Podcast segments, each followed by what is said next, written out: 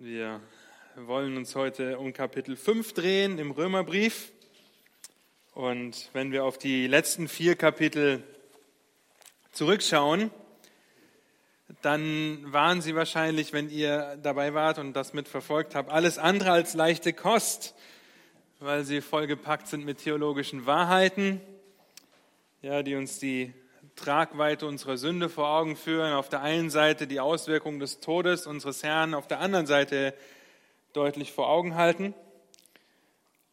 Nun, wenn du ein Kind Gottes bist, ja, wenn du das hier hörst und ein Kind Gottes bist, dann rüstet Gott dich damit aus, das zu verstehen. Vielleicht nicht sofort, ja, aber durch den Heiligen Geist in dir bist du ausgestattet zu verstehen, was Gottes Wort sagt, auch wenn das nicht sofort kommt und wir uns das teilweise aneignen müssen.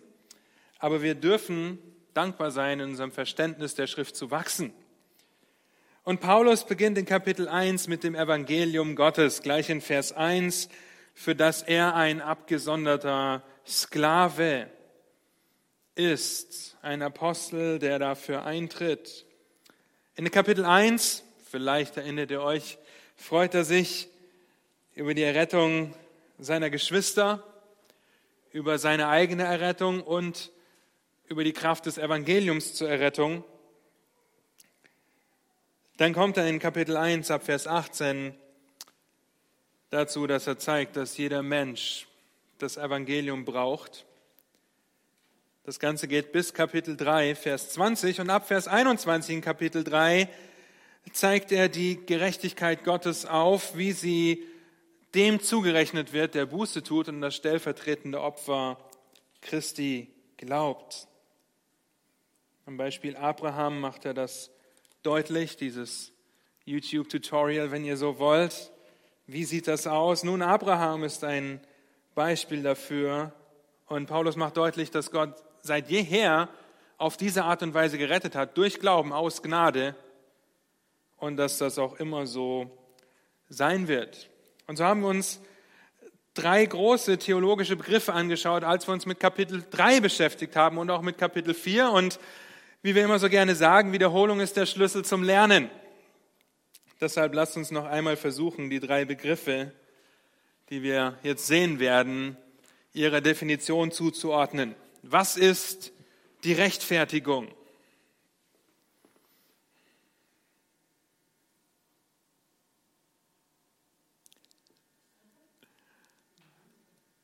Für Gott von gerecht erklärt. Sehr gut, das ist richtig. Nanu, ja okay, machen wir das so. Jetzt wisst ihr die nächste Antwort schon, Erlösung. Das ist mein Fehler, in der Präsentation habe ich das wahrscheinlich nicht richtig gemacht. Äh, Erlösung mit dem Blut Jesu von der Sünde freigekauft. Bevor wir jetzt nochmal klicken, wird es ganz schwer. Sühne, das letzte mit dem Blut Jesu von der Sünde freigekauft und natürlich die Rechtfertigung, das habt ihr schon richtig gesagt. Also seht ihr, ihr hättet das gewusst, ja, aber ich habe euch ein bisschen unter die Arme gegriffen, ähm, diese Definitionen noch einmal vor Augen zu führen. Mit diesem kurzen Rückblick zu den Kapiteln, die wir betrachtet haben, lade ich euch ein, Römer 5, Vers, Römer 5 aufzuschlagen. Ihr dürft tatsächlich eure Bibeln rausholen, denn es ist mein Anliegen, dass ihr das in euren Bibeln lest und wenn ihr die, an, die Angewohnheit habt zu markieren, dass ihr das in euren Bibeln tut und nicht hier vorne am äh, Screen. Ähm, und wenn wir Römer 5 lesen, dann werden wir uns heute mit drei unanfechtbaren Tatsachen beschäftigen, sich über die Errettung, die Sicherheit der Errettung zu freuen. Drei unanfechtbare Tatsachen, dich über die Sicherheit deiner Errettung zu freuen. Römer 5, ab Vers 1. Gottes Wort sagt, da wir nun aus Glauben gerechtfertigt sind, so haben wir Frieden mit Gott durch unseren Herrn Jesus Christus, durch den wir im Glauben auch Zugang erlangt haben zu der Gnade, in der wir stehen. Und wir rühmen uns der Hoffnung auf die Herrlichkeit Gottes. Aber nicht nur das, sondern wir rühmen uns auch die, in den Bedrängnissen, weil wir wissen, dass die Bedrängnis standhaftes Ausharren bewirkt. Das standhafte Ausharren aber Bewährung, die Bewährung aber Hoffnung, die Hoffnung aber lässt nicht zu Schanden werden, denn die Liebe Gottes ist ausgegossen in unsere Herzen durch den Heiligen Geist, der uns gegeben worden ist. Denn Christus ist, als wir noch kraftlos waren, zur bestimmten Zeit für Gottlose gestorben. Nun stirbt kaum jemand für einen Gerechten. Für einen Wohltäter entschließt sich vielleicht jemand zu sterben. Gott aber beweist seine Liebe zu uns dadurch, dass Christus für uns gestorben ist, als wir noch Sünder waren. Wie viel mehr nun werden wir, nachdem wir jetzt durch sein Blut gerechtfertigt worden sind, durch ihn vor dem Zorn errettet werden? Denn wenn wir mit Gott versöhnt worden sind durch den Tod seines Sohnes, als wir noch Feinde waren, wie viel mehr werden wir als Versöhnte gerettet werden durch sein Leben? Aber nicht nur das, sondern wir rühmen uns auch Gottes durch unseren Herrn Jesus Christus, durch den wir jetzt die Versöhnung empfangen haben. Vers 12. Darum, gleich wie durch einen Menschen die Sünde in die Welt gekommen ist und durch die Sünde der Tod, so ist und so der Tod zu allen Menschen hingelangt ist, weil sie alle gesündigt haben. Denn vor dem Gesetz war die Sünde in der Welt, wo aber kein Gesetz ist, da wird die Sünde nicht in Rechnung gestellt. Dennoch herrschte der Tod von Adam bis Mose auch über die, welche nicht mit einer gleichartigen Übertretung gesündigt hatten wie Adam, der ein Vorbild dessen ist, der kommen sollte. Aber es verhält sich mit der Gnadengabe nicht wie mit der Übertretung. Denn wenn durch die Übertretung des einen die vielen gestorben sind, wie viel mehr ist die Gnade Gottes und das Gnadengeschenk durch, durch den einen Menschen, Jesus Christus, in überströmendem Maß zu den vielen gekommen. Und es verhält sich mit dem Geschenk nicht so wie mit dem, was durch den einen kam, der sündigte. Denn das Urteil führt aus der einen Übertretung zur Verurteilung. Die Gnadengabe führt aus vielen Übertretungen zur Rechtfertigung. Denn wenn infolge der Übertretung des einen der Tod zur Herrschaft kam durch den einen, wie viel mehr werden die, welche den Überfluss der Gnade und das Geschenk der Gerechtigkeit empfangen, im Leben herrschen durch den einen, Jesus Christus. Also, wie nun durch die Übertretung des einen die Verurteilung für alle Menschen kam, so kommt es auch durch die Gerechtigkeit des einen für alle Menschen die Rechtfertigung, die Leben gibt. Denn gleich wie durch den Ungehorsam des einen Menschen die vielen zu Sündern gemacht worden sind, so werden auch durch den Gehorsam des einen die vielen zu Gerechten gemacht. Das Gesetz aber ist daneben hereingekommen, damit das Maß der Übertretung voll würde. Wo aber das Maß der Sünde voll geworden ist, da ist die Gnade überströmend geworden, damit, wie die Sünde geherrscht hat im Tod, so auch die Gnade herrsche durch Gerechtigkeit zum ewigen Leben durch Jesus Christus, unseren Herrn. Lasst mich beten und dann drei unanfechtbare Tatsachen betrachten, die uns zur Freude anhalten. Herr, habt ihr Dank für dieses Kapitel, dass wir uns rühmen dürfen, wie wir gleich sehen werden, dass wir uns freuen dürfen, dass wir Sicherheit haben, die Sicherheit unserer Errettung. Und so gib du Gnade zum Reden und Gnade zum Hören, Herr, wenn wir diesen Text gemeinsam betrachten. Amen. In den ersten fünf Versen sehen wir, dass wir uns angesichts unerschütterlicher Hoffnung freuen können. Hey, wir gehen das im Einzelnen durch. Zunächst weil wir Frieden mit Gott haben. Vers 1. Und an dieser Stelle möchte ich auf einen kleinen, aber feinen Unterschied hinweisen. Wir wissen, dass wir Frieden von Gott haben können, wenn wir zum Beispiel Philippa 4 lesen. Okay, Verse 6 und 7. Das heißt, wir sollen uns um nichts sorgen, dann wird der Friede Gottes unsere Herzen und Gedanken bewahren. Nun, das hat seine Berechtigung und wir sollten darin wachsen, Frieden von Gott zu haben, wenn es um unsere Sorgen geht. Auf jeden Fall. Aber hier steht nicht Frieden von Gott, sondern Frieden mit Gott. Ja, es ist das Gegenteil von dem Krieg, in dem der Sünder mit Gott steht, wenn er nicht durch Glauben aus Gnade gerechtfertigt wurde. Ja, es ist das direkte Gegenteil zu dem, was ihr in Römer 1, Vers 18 lest wo es heißt, denn es wird geoffenbart, Gottes Zorn vom Himmel her. Ja, und jetzt, Römer 5, 5, 5 Vers 1, da wir nun aus Glauben gerechtfertigt sind, so haben wir Frieden mit Gott. Wer keinen Frieden mit Gott hat, der befindet sich im Krieg mit ihm. Er ist kein Freund, sondern ein Feind. Und wenn wir davon lesen, dass wir aus Glauben gerechtfertigt sind und diesen Frieden nur durch unseren Herrn Jesus Christus haben, dann wird deutlich, dass wir Frieden mit Gott haben, weil Gott ihn bereitgestellt hat. Okay? Nicht, weil wir so toll waren, sondern er hat den Grund der Feindschaft, die Sünde durch Jesu Tod aus der Welt geschafft, damit wir Frieden haben können mit ihm. Und das sollte Auswirkungen haben. Denn wir haben auf der einen Seite, Römer 1, Vers 18 bis 3, Vers 20, Verurteilung, Feindschaft und Krieg mit Gott aufgrund unserer Sünde. Okay, aufgrund der Sünde, die uns vor Gott verurteilt. Auf der anderen Seite, ab, Vers 3, ab Kapitel 3, Vers 21, ist Vergebung, Freundschaft und Frieden mit Gott ausschließlich durch Jesus Christus, unseren Herrn. Und das hat Auswirkungen. Zum einen ist das der Ausgangspunkt jeder geistlichen Segnung, die wir erfahren, jeder geistlichen Segnung in diesem Leben und im zukünftigen Leben Friede mit Gott durch Christus. Zweitens bedeutet das die Sicherheit des Gläubigen.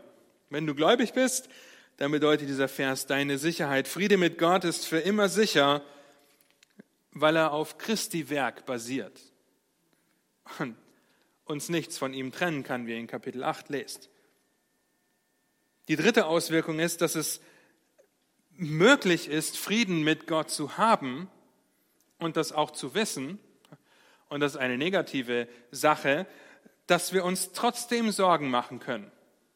Ja, das ist eine Auswirkung. Wir werden nächste Woche dazu kommen, in Römer Kapitel 6, dass wir nach wie vor mit Sünde kämpfen, auch wenn wir wissen, dass wir eigentlich Frieden mit Gott haben. Eigentlich, warum machen wir uns noch Sorgen, wenn wir das Wichtigste, wenn das Wichtigste für uns geregelt wurde am Kreuz, dass wir Frieden mit Gott haben? Und die vierte Auswirkung ist, dass wir uns daran erinnern, und immer wieder daran erinnern müssen, dass es von Christus abhängt und nicht, nicht von uns. Vers 2. In Vers 2 sehen wir, dass wir im Glauben Zugang haben durch die Gnade, in der wir stehen. Und das ist mit Hoffnung verbunden. Okay, das seht ihr auch in Vers 2, wir kommen da gleich noch dahin. Und dieser Zugang ist erst möglich, seitdem Christus am Kreuz für uns gestorben ist. Vorher hatte kein Jude Zugang zum Allerheiligsten. Der hohe Priester einmal im Jahr unter ganz bestimmten Voraussetzungen und Vorkehrungen, aber sonst hatte niemand Zugang zu Gott. Okay? Aber was heißt das denn jetzt, Zugang zu Gott zu haben, Zugang zu der Gnade zu haben, die durch den Tod, der, der, dieser Zugang, der durch den Tod Christi ermöglicht wurde? Was heißt das? Um das ein bisschen besser zu verstehen, möchte ich ein Beispiel aus dem Alten Testament nehmen, um euch aufzuzeigen, was das bedeutet. Königin Esther. Im Buch Esther, wenn ihr das suchen wollt, dann dürft ihr das tun, sehen wir Esther, die quasi als Miss Babylon, weil Ahasveros die schönste Frau heiraten wollte, zur Frau von Ahasveros geworden ist. Esther 2, Vers 1 könnt ihr das lesen. Haman, der Oberbefehlshaber, er plant einen Komplott, die Juden auszulöschen, auszurotten. Und Mordechai, Esthers Onkel, bekommt das mit, geht auf Esther zu und bittet Esther, zum König zu gehen, um für die Rettung der Juden einzustehen. Nun, damals war es aber nicht Brauch, dass die Frau eines Königs einfach so zum König marschieren konnte. Okay? Es hätte sehr gut ihren Tod bedeuten können, weil man auf gar keinen Fall ohne Einladung vor dem König erscheinen durfte. So wusste Esther, dass mit ihrem Erscheinen vor dem König auch ihr Tod einhergehen könnte. Esther Kapitel 4, sie betet darum, sie legt ihre schönsten Gewänder an, ja, sie putzt sich richtig raus, und trat in den inneren Hof des Königs. Was der König tut, wissen wir. Aber lasst uns das kurz lesen. Esther Kapitel 5, Vers 2. Ich lese euch das vor. Der erste Teil des Verses heißt, als nun der König die Königin Esther im Hof stehen sah, fand sie Gnade vor seinen Augen.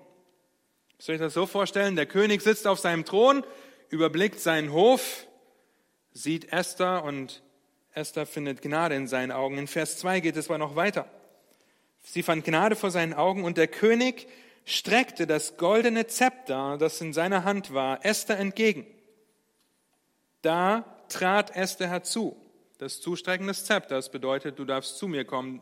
Der Zugang ist dir gewährt, weil du Gnade in meinen Augen gefunden hast. Da trat Esther herzu und rührte die Spitze des Speeres an. Das ist ein Bild für Zugang oder Zutritt aufgrund von Gnade. König hätte genauso gut Esther einfach dafür töten können. Nun, dieses Beispiel ist nicht perfekt, weil Esther wunderschön war. Und wenn wir das auf das Geistliche übertragen und unseren Zustand vor Gott sehen, dann ist der alles andere als schön, weil wir Feinde Gottes sind im unerlösten Zustand, weil wir im Kriegszustand mit Gott sind und er Sünde strafen muss. Aber durch Christus der für uns zur Strafe wurde, erinnert euch, haben wir Zugang zu Gott, können wir hinzutreten zum Thron der Gnade, wie wir in Hebräer 4 lesen können. Also hat Gott uns selbst diesen Zutritt verschafft, Zugang zu der Gnade verschafft durch Jesus Christus. Weil uns Christi Gerechtigkeit angerechnet wurde, können wir uns über diesen Zugang freuen. Darum haben wir diesen Zugang erhalten. Und so kommen wir zu der unerschütterlichen Hoffnung in Kapitel 5, Vers 1 im Römerbrief. Wir rühmen uns der Hoffnung auf die Herrlichkeit. Wir können uns dieser unerschütterlichen Hoffnung freuen, weil wir auf das schauen, was vor uns liegt. Und Hoffnung in der Schrift ist nicht etwa eine vage Vermutung einer Eventualität, die vielleicht eintritt oder auch nicht. Wie die Hoffnung, dass es am Freitag nicht regnet, dass wir die Wachstumsgruppen draußen im Garten machen können. Ja, das ist, wir wissen das heute nicht. Aktuell soll es nicht regnen, das heißt, wir dürfen uns freuen, aber das kann sich sehr schnell ändern, wie ihr wisst. Nein, Hoffnung in Gottes Wort ist die feste Gewissheit einer Tatsache, und vor allem die feste Gewissheit der Tatsache, dass wir Gott eines Tages von Angesicht zu Angesicht sehen und verherrlicht sein werden. Das ist Hoffnung, das könnt ihr auch in Kapitel 8, Vers 18 lesen. Und das, was wir gerade jetzt nur in diesen zwei Versen gesehen haben, finden wir in Kapitel 8 komplett auch. 8, Vers 1 ist keine Verdammnis. Warum nicht? Weil wir Frieden mit Gott haben. 8, Vers 30, wir sind jetzt schon verherrlicht und eines Tages werden wir die Fülle dieser Herrlichkeit in Gottes Gegenwart erleben.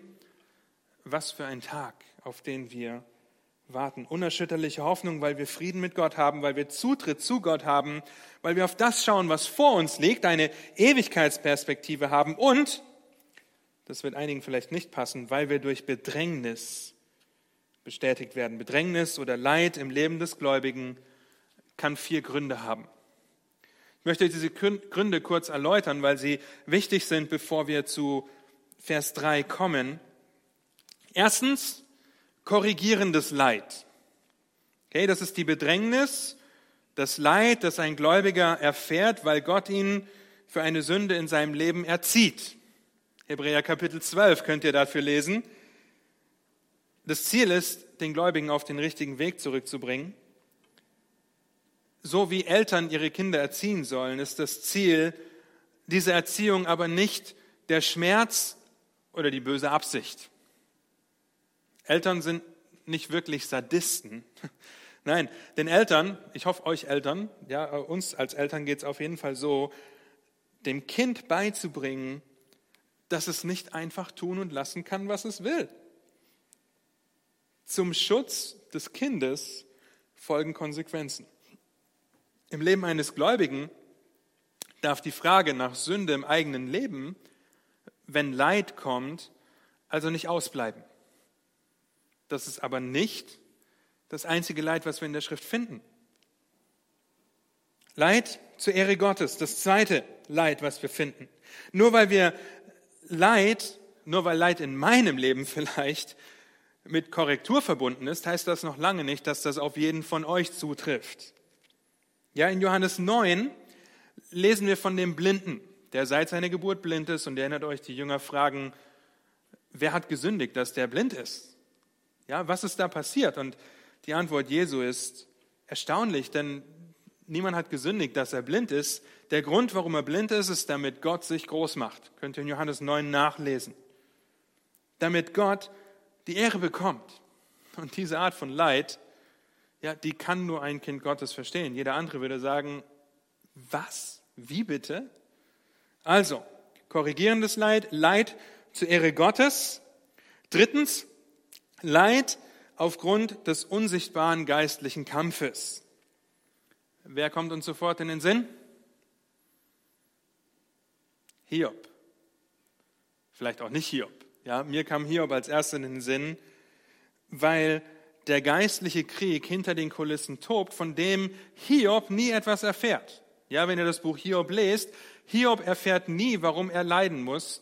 Wir hingegen haben den Einblick, warum er leidet, nämlich weil Gott dem Teufel erlaubt, ihn zu prüfen. Also Leid aufgrund des geistlichen, unsichtbaren Kampfes. Und viertens, das Leid, das uns wachsen lässt. Wachstumsschmerzen, wenn ihr so wollt. Ja, und diese Wachstumsschmerzen, die umfassen wirklich die anderen drei Kategorien und gehen sogar noch darüber hinaus. Davon redet Paulus in Kapitel 5, Vers 3 und 4. Und er sagt, wir rühmen uns auch in den Bedrängnissen. Freust du dich über Bedrängnis in deinem Leben? Lasst uns versuchen, Bedrängnis zu verstehen. Ja, weil wir sollen uns über Bedrängnis freuen. Das Wort Bedrängnis wurde benutzt, um die Presse zu beschreiben, die die Oliven zusammenpresst, um das wertvolle Öl herauszuquetschen. Oder es wurde für die Weinpresse benutzt, in der die Trauben gepresst wurden, um etwas Besseres, nämlich den Saft, zu extrahieren. Es ist also Druck, damit etwas Besseres dabei rauskommt. Hast du Druck? In irgendeinem Bereich deines Lebens? Wahrscheinlich kann jeder von uns die Frage mit Ja beantworten. Vielleicht denkst du zurzeit nicht, dass der Druck so hoch, groß ist, dass du darunter wie zerquetscht wirst, aber du kennst Zeiten, in der der Druck groß ist, weil Gott auf unterschiedlichste Art und Weise Druck in unserem Leben gebraucht, um etwas Besseres rauszuholen, um uns erstmal zu zeigen, was in unserem Herzen ist, denn das kommt raus, aber um uns dann reifen zu lassen. Wachstumsschmerzen. Für den Gläubigen wird das zu Ausharren führen. Ich höre den Text. Die Bedrängnis bewirkt standhaftes Ausharren. Ausharren könnte auch mit Geduld übersetzt werden. Und es beinhaltet die Idee, und das fand ich so faszinierend, unter großem Druck standzuhalten. Das passt doch.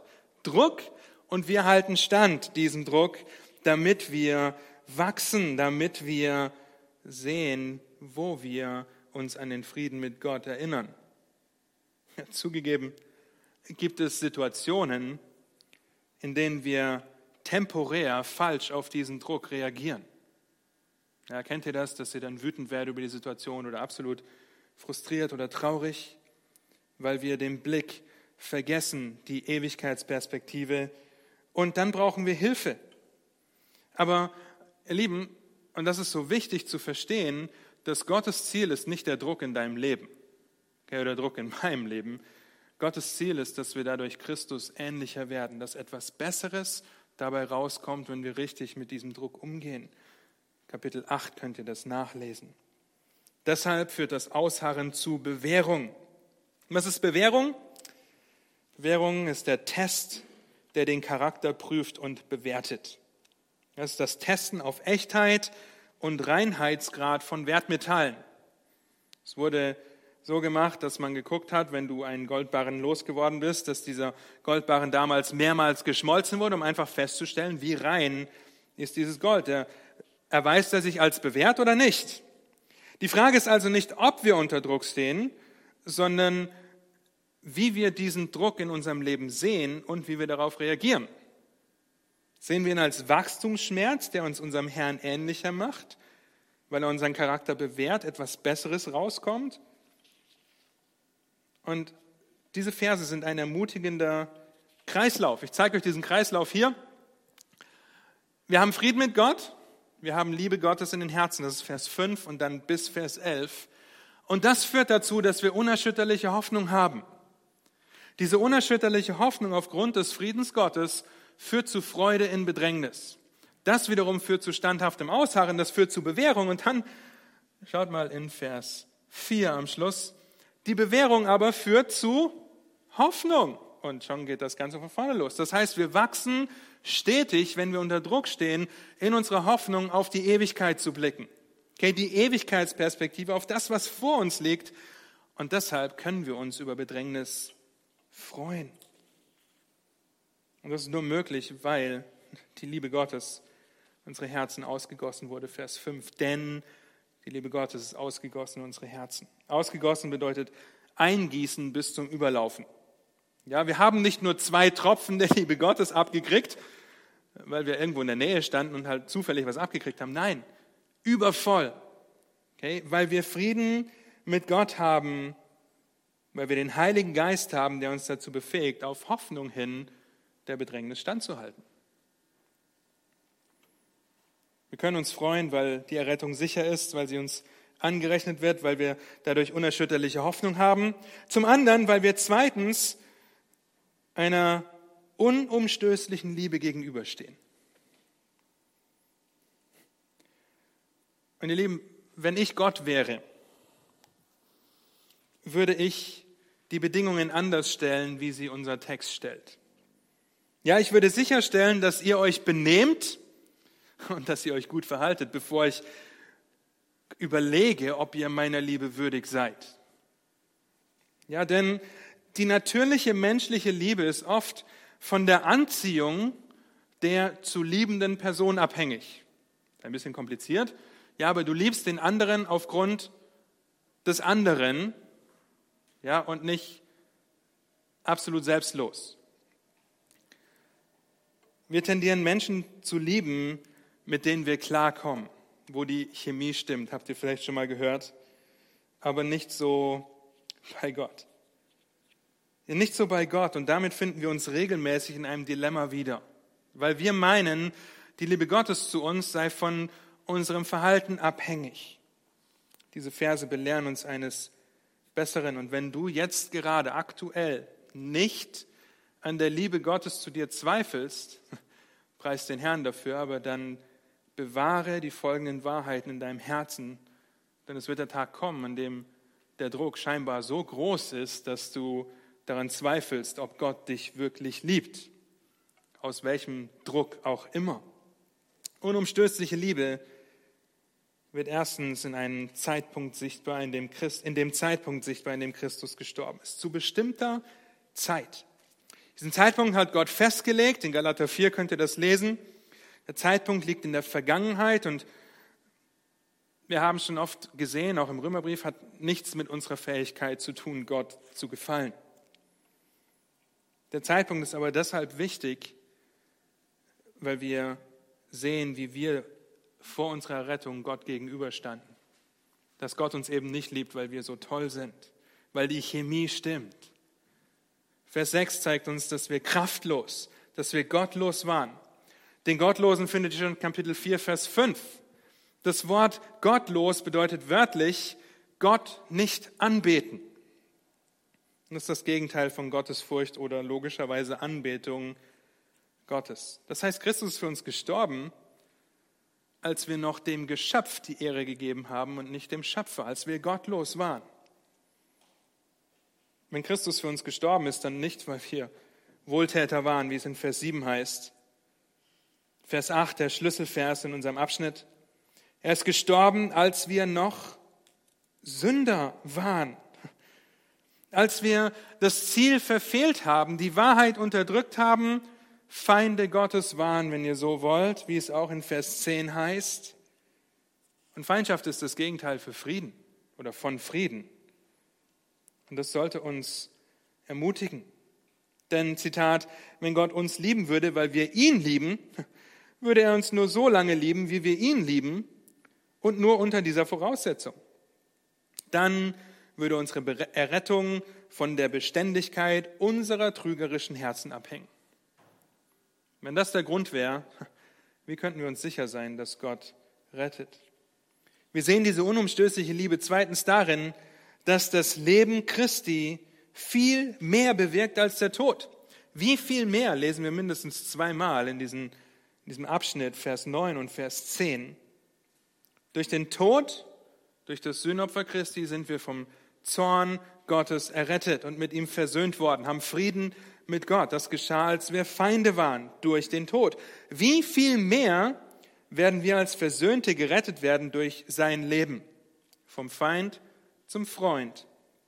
Und durch das Leben Christi, durch seine Auferstehung, was die Anerkennung seines Opfers vor Gott ist, bleiben wir gerettet. Okay, er hält uns in der Errettung. Gerettet werden durch sein Leben heißt, dass wir gerettet bleiben.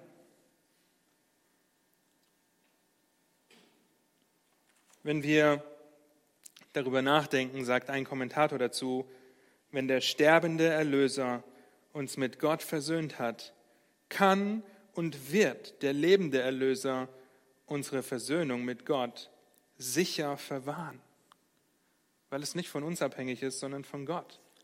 Und drittens sehen wir, dass das einen Einfluss hat. Nochmal das Wort rühmen in Vers 11. Okay? Es hat einen Einfluss diese unumstößliche Liebe nicht zu verleugnen. Wir rühmen uns Gottes durch unseren Herrn Jesus Christus.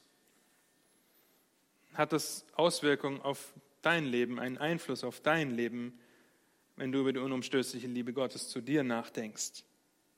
Wie gehst du dann, wenn du darüber nachdenkst, mit Druck in deinem Leben um, wenn der Kontext auch die unerschütterliche Hoffnung darstellt? Ihr Lieben, die Spannung wird deutlich.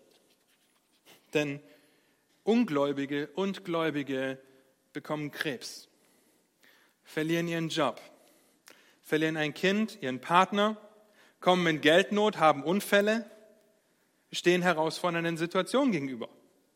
Gläubige wie Ungläubige. Und ist die Frage an dich, wenn du ein Kind Gottes bist, machen die unerschütterliche Hoffnung und die unumstößliche Liebe einen Unterschied in deiner Reaktion auf diese Bedrängnis in deinem Leben? Wie sieht es aus, wenn ein Bus nicht oder zu spät kommt? Das ist etwas Kleines. Ja? Regst du dich darüber auf und wirst wütend, warum die BVG sich mal wieder nicht an den Plan hält? Entschuldigung, Dirk. Oder freust du dich, weil es eine Situation ist, in der dein Charakter geprüft wird und du Christus die Ehre geben kannst, weil er sowieso alle Zeit in seiner Hand hält. Oder wie gehst du damit um, wenn dein Kind im Mutterleib stirbt? Bist du bitter und willst dieser Bedrängnis am liebsten fliehen? Ich kann euch sagen, temporär wollten wir das, ja, in unserem Fall. Oder, wie wir dann lernen durften, uns erinnern durften, kannst du dich an Gottes Souveränität klammern, wenn er sagt, dass jeder Tag eines Lebens in seinem Buch geschrieben ist, bevor einer von ihnen war, wie es im Psalm 139 heißt? Oder wie sieht es aus, wenn du deinen Job, den du so gerne machst, verlierst? Was ist deine Hoffnung? Ja, woran, woran klammerst du dich? Bist du dir bewusst, dass deine unerschütterliche Hoffnung dadurch gefördert wird, wenn du die richtige Perspektive einnimmst?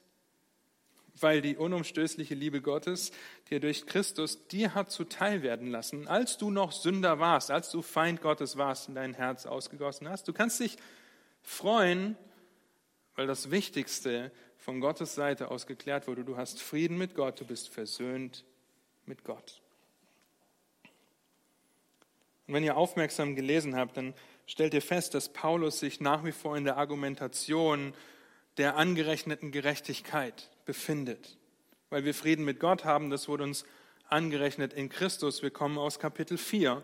Und Kapitel 5 ist wirklich der Übergang von diesen zwei großen Teilen. Wir haben eine unerschütterliche Hoffnung. Diese unerschütterliche Hoffnung haben wir, weil Gott uns mit der unumstößlichen Liebe liebt, weil Christus für uns gestorben ist, als wir noch Sünder waren. Ein Kapitel vorher schreibt ein Kapitel 4, Vers 5, wer dagegen keine Werke verrichtet, sondern an den glaubt, der den Gottlosen rechtfertigt, dem wird sein Glaube als Gerechtigkeit angerechnet, dann hast du Frieden mit Gott. Und das ist wichtig für den folgenden Abschnitt im Römerbrief. Und ihr denkt euch, wie schafft Sam die Verse 12 bis 21 in zehn Minuten? Wir schaffen das. Wir können uns drittens über unsere unwiderrufliche Stellung freuen. Paulus beginnt diesen Abschnitt mit der Erklärung, wie die Sünde und die Gnade in die Welt kam, indem er Adam und Christus gegenüberstellt. Sowohl Adam als auch Christus herrschen, wenn ihr so wollt, über ein Königreich. Beide sind ein Haupt und haben Herrschaft, entweder über die Sünde und den daraus resultierenden Tod oder über die Gerechtigkeit und das daraus resultierende Leben. Und wenn ihr euren Bibeln schaut, dann hoffe ich, dass ihr in Vers 13 eine Klammer aufseht und in Vers 17 eine Klammer zu. Denn das ist ein Einschub, wie er das erklärt, was hier eigentlich geschieht. Ein Einschub, der die Hauptaussagen erklärt. Und so finden wir die Hauptaussage in, diesen, in diesem Abschnitt in den Versen 12, 18 und 19. Und ich lese die Verse 18 und 19. Da heißt es also, wie nur durch die Übertretung des einen die Verurteilung für alle Menschen kam, so kommt auch durch die Gerechtigkeit des einen für alle Menschen Gerechtigkeit, äh, für alle Menschen die Rechtfertigung, die Leben gibt. Denn gleich wie durch den Ungehorsam des einen Menschen die vielen zu Sündern gemacht worden sind, so werden auch durch den Gehorsam des einen die vielen zu Gerechten gemacht. Diese Verse 12 bis 21 können wir ganz einfach erklären. Seid ihr bereit? Was Adam getan hat, war schlecht und hat den Tod zur Folge. Was Christus getan hat, war gut und hat das Leben zur Folge. Das war's. So habe ich früher abgeschlossen als sonst. Nein, ich möchte euch das ein bisschen erklären. Was hat der Teufel nochmal gesagt in 1. Mose 3? Keinesfalls werdet ihr sterben. Sterben. Sehr gut. Durch Adam kam die Sünde in die Welt und mit ihr der Tod. Der physische Tod, wir sterben körperlich der geistliche Tod, wir sind absolut verdorben, und der ewige Tod, die Trennung von Gott. Seitdem sind wir Erben Adams, weil die gesamte Menschheit gefallen ist. Adam ist der Stellvertreter, der Repräsentant, wie ihr in Vers 17 lest. Deshalb sind die Konsequenzen seiner Rebellion auch unsere Konsequenzen. Der Tod ist zu allen hingelangt. Könnt ihr euch das so vorstellen, wenn ihr ein Kind bekommt dann hat dieses Kind deine DNA, dein Erbgut. Geistlich betrachtet bekommt dein Kind dein tödliches Erbgut, weil Adam in der Vergangenheit gesündigt hat und dieses tödliche Erbgut bis heute anhält. Es hat Auswirkungen bis heute. Die Herrschaft des Todes in Adam, weil er gesündigt hat. Auf der anderen Seite haben wir die Herrschaft des Lebens in Christus. So wie Adam das Haupt derjenigen ist, die unter dem Gericht und Zorn Gottes stehen, ist Christus das Haupt derjenigen, die Frieden mit Gott haben, weil sie versöhnt sind. Wenn Paulus die Wahrheit angerechneter Gerechtigkeit deutlich machen will, dann ergibt es nur Sinn, dass uns in Adam die Sünde angerechnet wird und in Christus die Gerechtigkeit angerechnet wird. Das ist der Kontrast, den wir in Römer 5 sehen. Und wenn Christus dein Repräsentant ist, dein Stellvertreter, dann bist du in Adam gewesen, Vergangenheit gewesen. Das ist vorbei. Das ist aus. Das werden wir nächste Woche in Kapitel 6 noch genauer betrachten. So wie in Adam die gesamte gefallene Menschheit repräsentiert wird, wird in Christus die gesamte gerettete Menschheit präsentiert.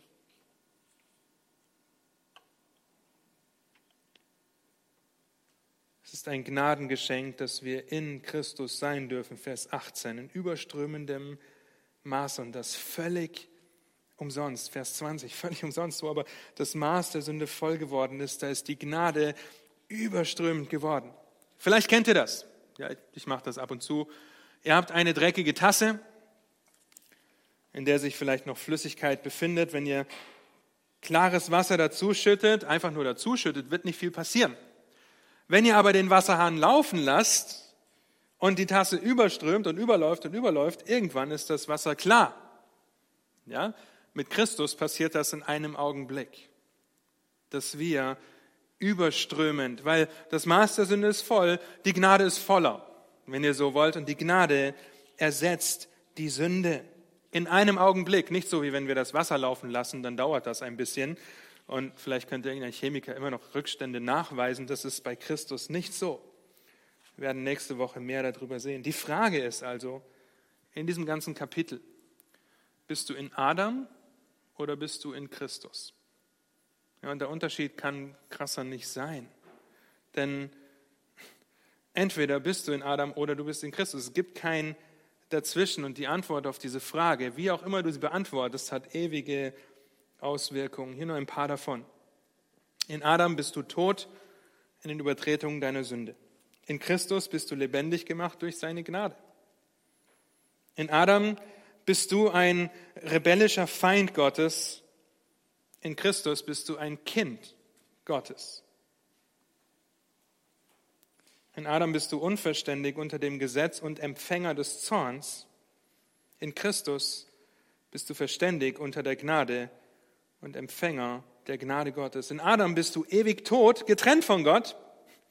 In Christus bist du ewig lebendig, gegenwärtig vor Gott. Wir können zum Thron der Gnade kommen, jederzeit. Die Frage ist, wer repräsentiert dich? Wenn du Frieden mit Gott hast, dann hoffe ich, dass du dich freust, weil du eine unerschütterliche Hoffnung hast, die dich durch Bedrängnis trägt, bestätigt und sogar bewährt. Du hast unumstößliche Liebe auf Grundlage des Werks deines Herrn und Retters Jesus Christus empfangen. Und damit verbunden eine unwiderrufliche Stellung in Christus. Das kann nicht rückgängig gemacht werden. Es gibt keinen Moment in deinem Leben, an dem du fürchten musst, oh, jetzt bin ich wieder in Adam. Nein, du bist in Christus.